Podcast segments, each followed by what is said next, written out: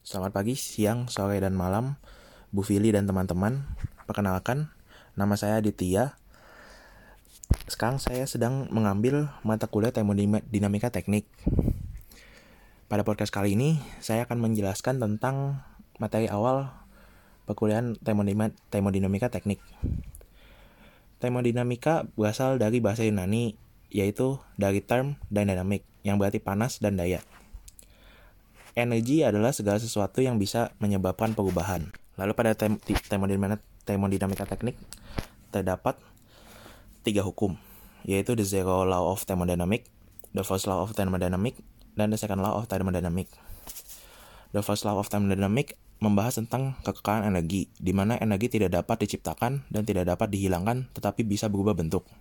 The second law of thermodynamic membahas tentang kualitas dan arah, di mana segala sesuatu mengalir dari tempat yang lebih tinggi menuju tempat yang lebih rendah. Lalu kita akan mengenal tentang sistem. Sistem adalah zat atau suatu luasan yang menjadi fokus dari analisis atau studi kita. Lalu lingkungan luas sistem disebut sebagai surrounding. Dan batas yang membatasi sistem dengan surrounding adalah boundary. Terdapat tiga sistem, yaitu closed system, open system, dan isolated system. Di mana closed system tidak terjadi keluar masuknya massa, tetapi terjadinya ada energi yang bisa keluar dan masuk pada sistem tersebut. Pada open system, massa dan energi bisa keluar dan masuk. Tetapi pada isolated system, hal tersebut berbalikan dengan open system, di mana tidak adanya massa atau energi yang bisa keluar atau masuk. Property. Property adalah karakteristik dari suatu sistem. Intent property dibagi menjadi dua, yaitu intensive property dan extensive property. Di mana intensive property adalah property yang independen terhadap massa. Contohnya suhu, tekanan, dan densitas.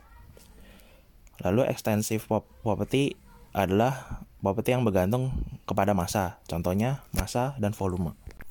State atau kondisi adalah suatu kondisi dari suatu sistem yang menunjukkan kondisi sistem tersebut. Lalu ada equilibrium atau kesetimbangan. Terdapat empat syarat yang harus dipenuhi, yaitu setimbang secara termal, temperatur sudah sama atau stabil. Yang kedua setimbang secara mekanikal, di mana tekanan dalam suatu satu sistem tidak boleh berubah pada suhu pada satu titik pada satu titik tertentu. Lalu yang ketiga setimbang secara fasa di mana massa dari masing-masing fasa harus timbang. Lalu yang keempat, setimbang secara kimia, di mana sistem tidak mengalami perubahan terhadap komposisi atau rumusan kimia.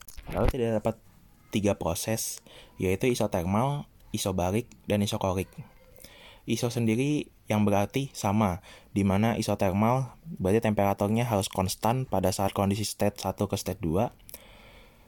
Isobarik, tekanannya harus konstan, konstan dan isokorik volumenya yang harus konstan.